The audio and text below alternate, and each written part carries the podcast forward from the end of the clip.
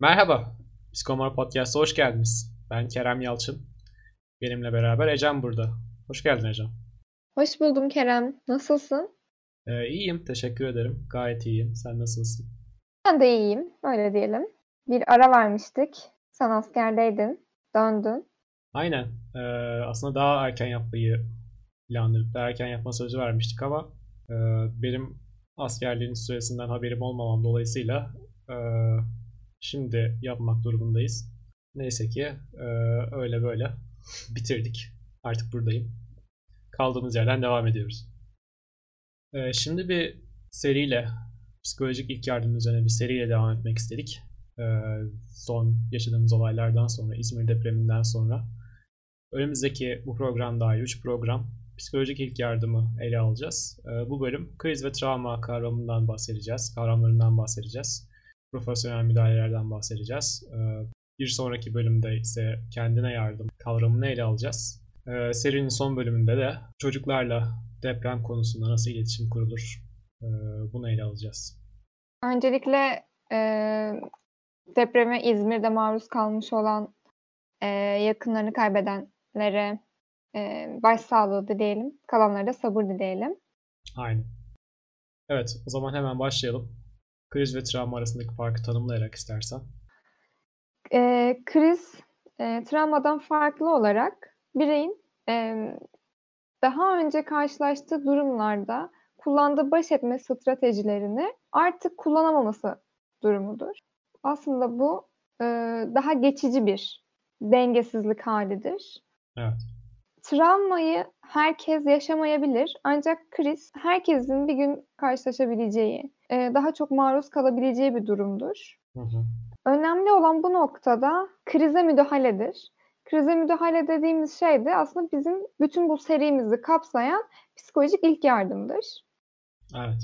Yani kriz e, dışsal bir olgu diyebiliriz o zaman. Yani deneyimle, deneyimlenmesi dışa dayalı. Travma ise e, kişinin içinde yaşadığı dışsal etkenlerin içsel olarak deneyimlenmesi diyebilir miyiz? Temelde diyebiliriz, evet. Ee, öncelikle bu krizde e, bu psikolojik ilk yardımın kullanılmasının üç tane temel e, amacı vardır. Bunlardan birincisi destek sağlamak. Hı hı. E, ikincisi hayati tehlikenin eğer varsa ortadan kaldırılması. E, üçüncüsü de bu destek kaynakları ile ilgili ilişkinin kurulmasıdır. E, bu biraz şu anlama geliyor.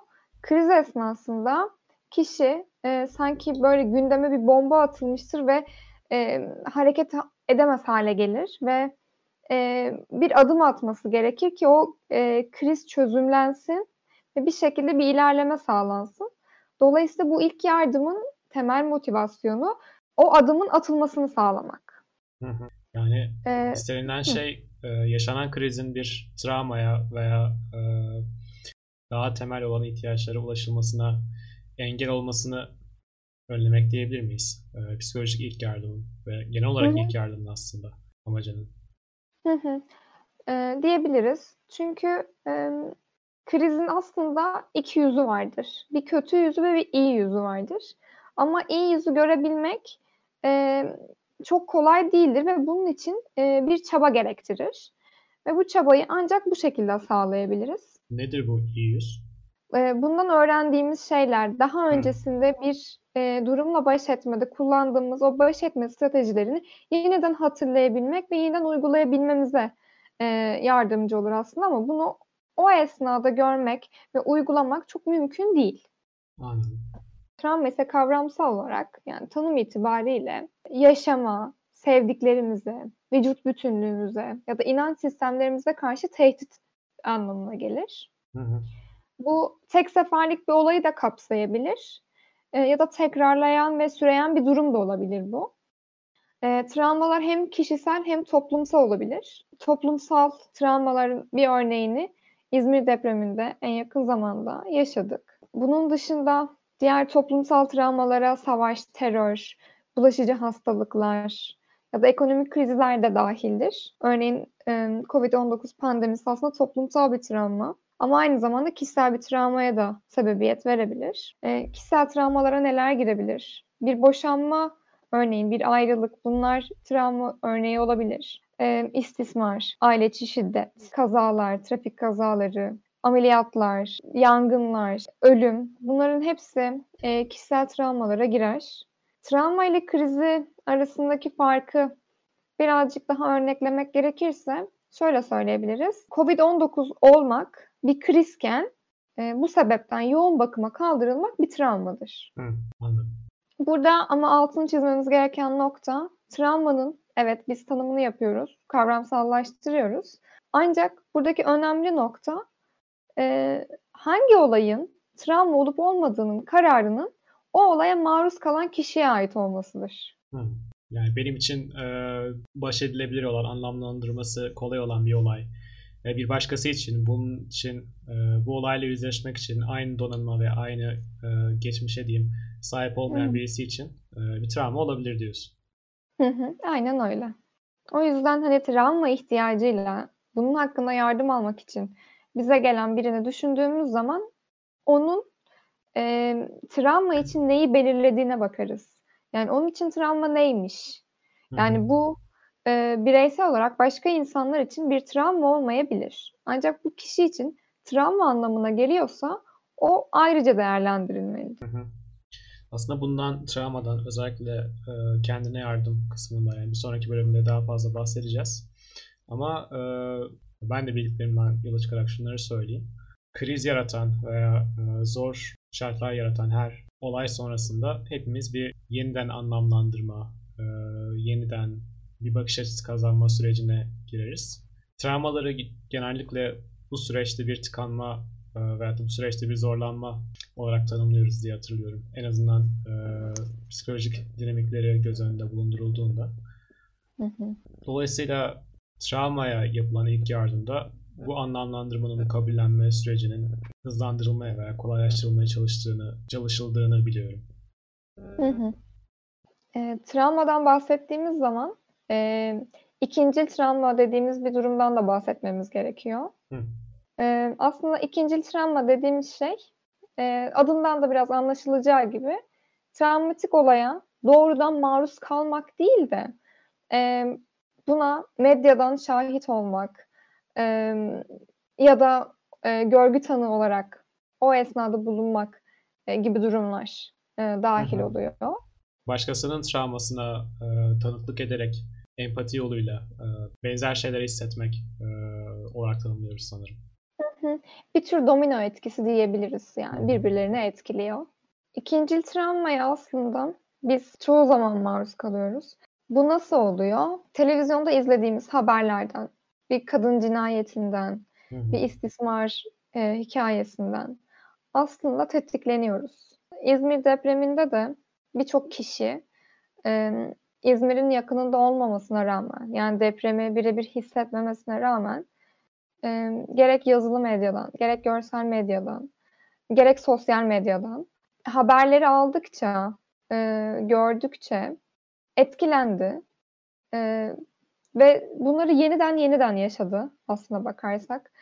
O e, enkaz çalışmalarında birebir onlara şahit olurken, izlerken yeniden aslında travmalarını yaşadılar. Evet. Yeniden tetiklendiler. E, belki izleyen kişiler e, o 99 Marmara depremine maruz kalan insanlardı. Hı hı. Ee, belki onları yaşayan insanlardı. Kendi travmaları yeniden tetiklendi. Çünkü ne yazık ki e, travmaların böyle bir huyu var. Tetikleniyorlar. Ee, ve yeniden gündeme gelebiliyorlar. Evet. Ve özellikle eğer doğru müdahale edilmemişse zamanında, bunun için çalışılmamışsa tekrar tetiklenme olasılığı e, çok artıyor. Evet haklısın. Ee, sosyal medya konusunda e, zaten toplum olarak çok bilinçli olmadığımız e, aşikar sanırım. Bu tarz Evet. olaylardan sonra sosyal medyada e, verdiğimiz tepkiler, yaptığımız paylaşımlar e, başka insanlar için çok zarar verici olabiliyor. E, bunların sonuçlarını çok iyi görmeyebiliyoruz. Kötü niyetimiz olmasa bile paylaşırken Hı hı. e, zaman zaman hani umut bağlamında paylaştığımız şeyler bile başkaları için aslında çok farklı etkiler yaratabiliyor. Bunun hassasiyetine ve bilincine çok e, ulaşamadık maalesef henüz. Evet dediğim gibi yani amaç aslında yani kötü bir niyet olmamasına rağmen e, sonuçlarını düşünmeden hareket ettiğimiz için yanlış şeylere sebebiyet verebiliyoruz. Madem buradan açtın konuyu, e, istersen bu bağlamdan gidelim. Aynen. E, ikimizin de ortak aklına gelen şey sanırım e, çocukların görsellerinin e, medyada kullanılması. Evet, e, bu son yaşanan olaylardan sonra çok e, büyük bir tartışma konusu oldu.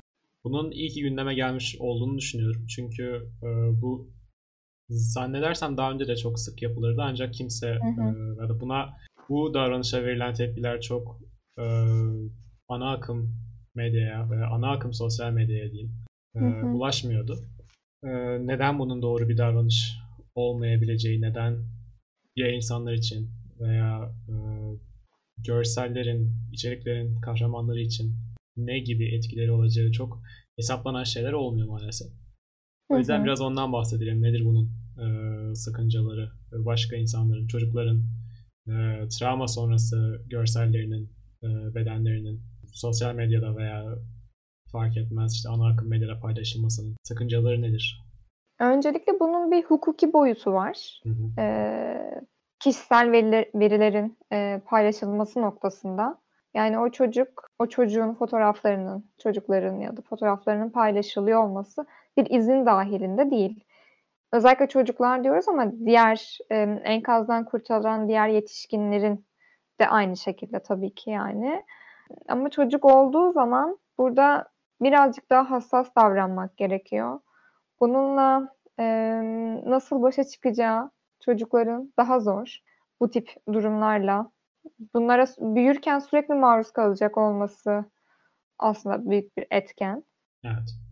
Ee, yani her... Böyle bir olayın, böyle bir hikayenin, medyaya hı hı. yansıyan bir hikayenin istemsizce bir kahramanı oldu.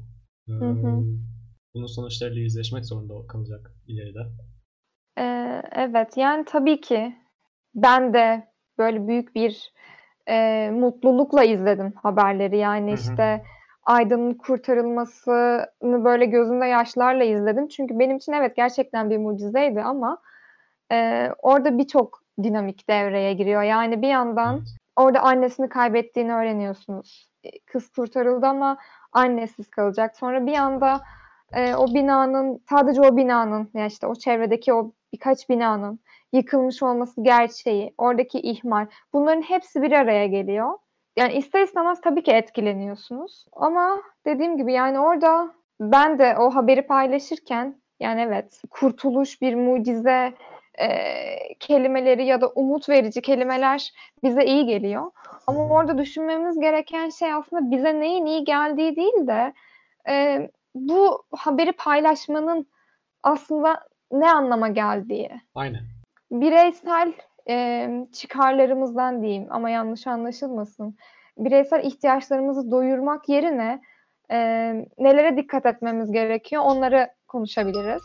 Evet o zaman ben de biraz e, sosyolojik boyutuna değineyim olayın. E, medyanın böyle bir etkisi var. Medya hikayeleri çok kısıtlı boyutlarıyla sunuyor öyle değil mi? Yani bir yaşanmışlık bir yani çok ağır bir deneyimden bahsediyoruz ama biz hı hı. tabii ki bunun çok e, sınırlı bir kısmını görüyoruz medyada.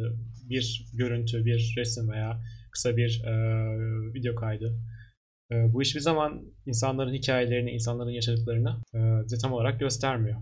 E, bunun yanında yaşanan olumlu gelişmeler paylaşıldığı zaman bile bunun içeriğinin nasıl gösterildiği, mesela bu, bu haberin e, bize gelmesi ve çok sevindirici.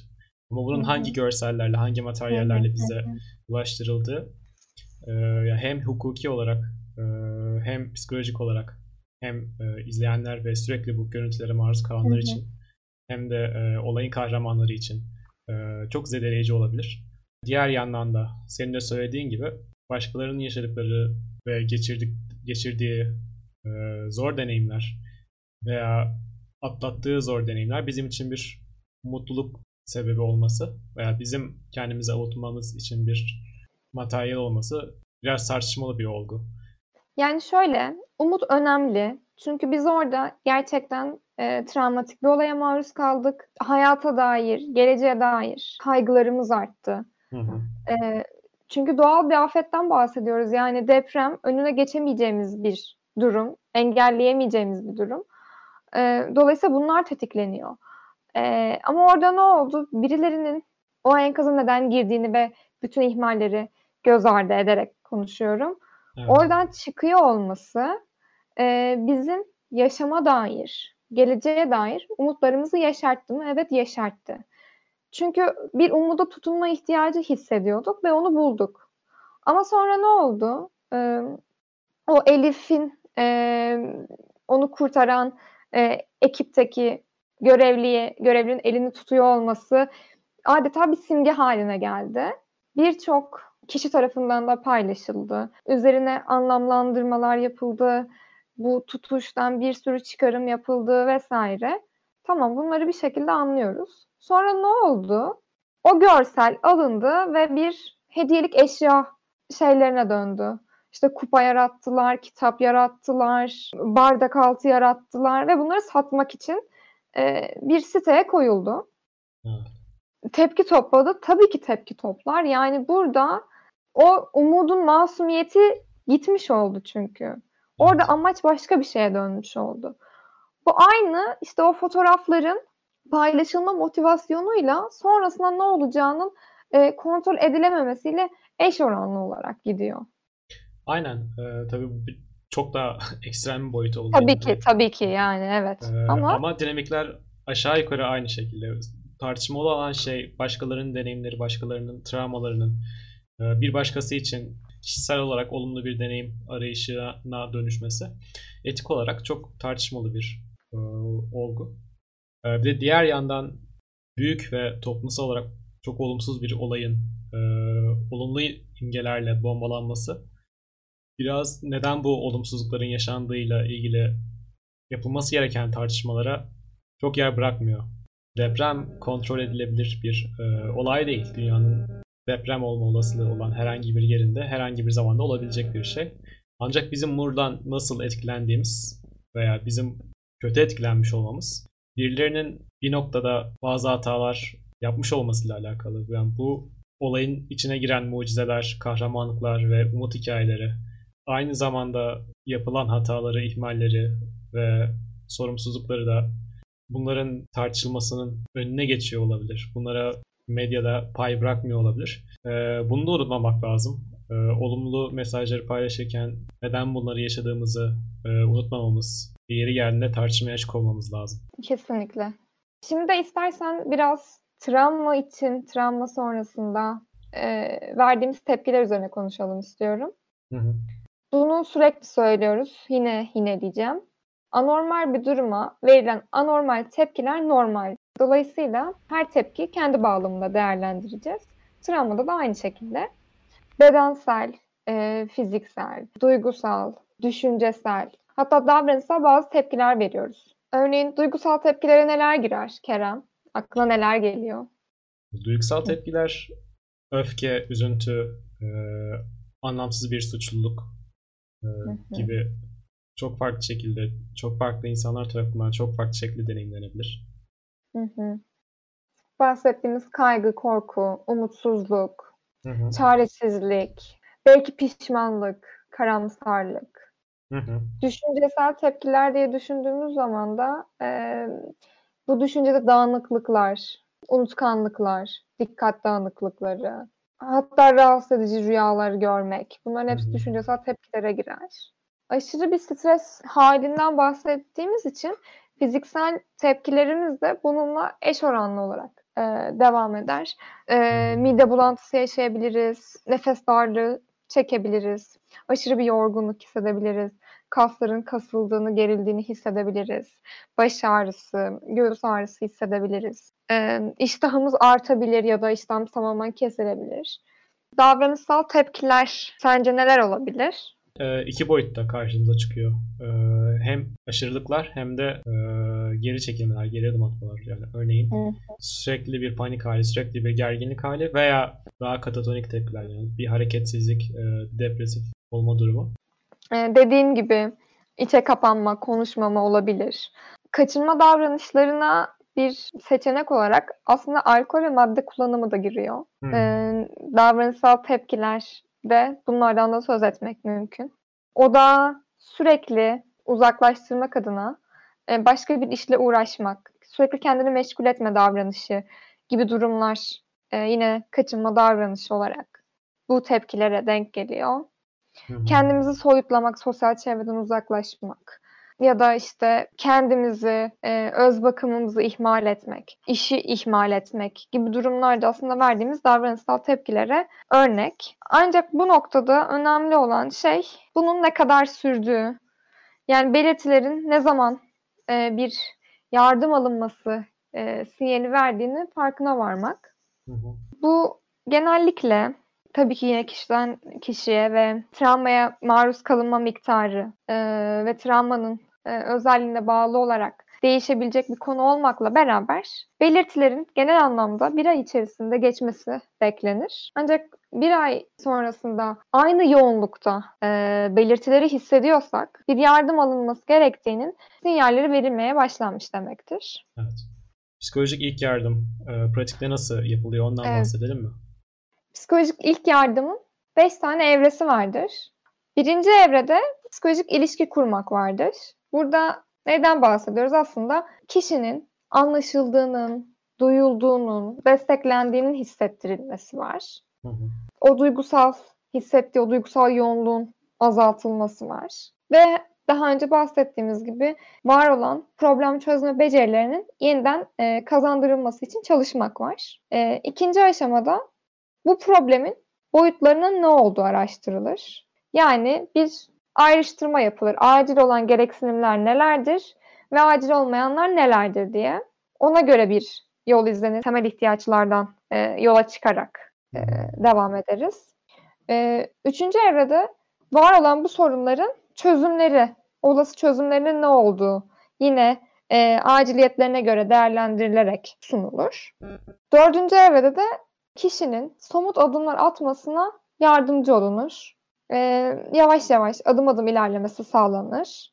Bunlardan sonra beşinci evrede eğer adımlar sırasıyla gittiyse ve e, adımların aslında başarıyla e, devam ettiğinden eminsek izleme aşamasına giriyoruz. Hı.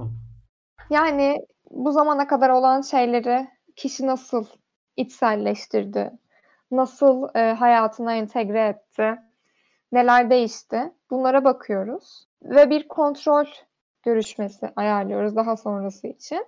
Olabildiğince e, tanımlayıcı, anlatıcı bilgilerin, e, açıklayıcı bilgilerin verildiğinden emin olduktan sonra bir tekrar görüşmesi planlanıyor ve e, kişi aslında izlem altında kalmış oluyor. Yani bu aşamada yaptığımız ilk yardım sürecinin e, sürdürülebilirliğini test ediyoruz. Hı hı, evet, aynen öyle. Anladım. Gerektiğinde e, tekrar zaten tekrar görüşmeleri yapılıyor. Gerektiğinde tekrar müdahaleler başlıyor. O zaman yavaştan programın sonuna geliyoruz. Ee, nelerden bahsettik? Ee, kriz ve travmanın farklarından bahsettik. Medyada e, bu kavramların, bu olguların nasıl deneyimlendiğini, nasıl e, paylaşıldığından ve bunların olası etkilerinden bahsettik. E, daha sonra psikolojik ilk yardımı ele aldık. Bir sonraki bölümde de kendi kendimize neler yapabiliriz, kendimiz için, çevremiz için neler yapabiliriz, ee, kendine yardım başlığında bunları ele alacağız. Şimdilik biz dinlediğiniz için teşekkür ederiz. Programla ilgili veya uzmanlıklarımızla ilgili sorularınızı e, info.psikomor.com adresinden bize iletebilirsiniz. Veya bizim e, kişisel hesaplarımızdan e, bize ulaşabilirsiniz. Bizim hakkımızda daha fazla bilgiye e, psikomor.com adresinden bulabilirsiniz. Sosyal medyadan bizi Facebook, Instagram, Twitter ve LinkedIn üzerinden Psikomor adıyla bulabilirsiniz. Bir sonraki programda görüşmek dileğiyle. Görüşmek üzere.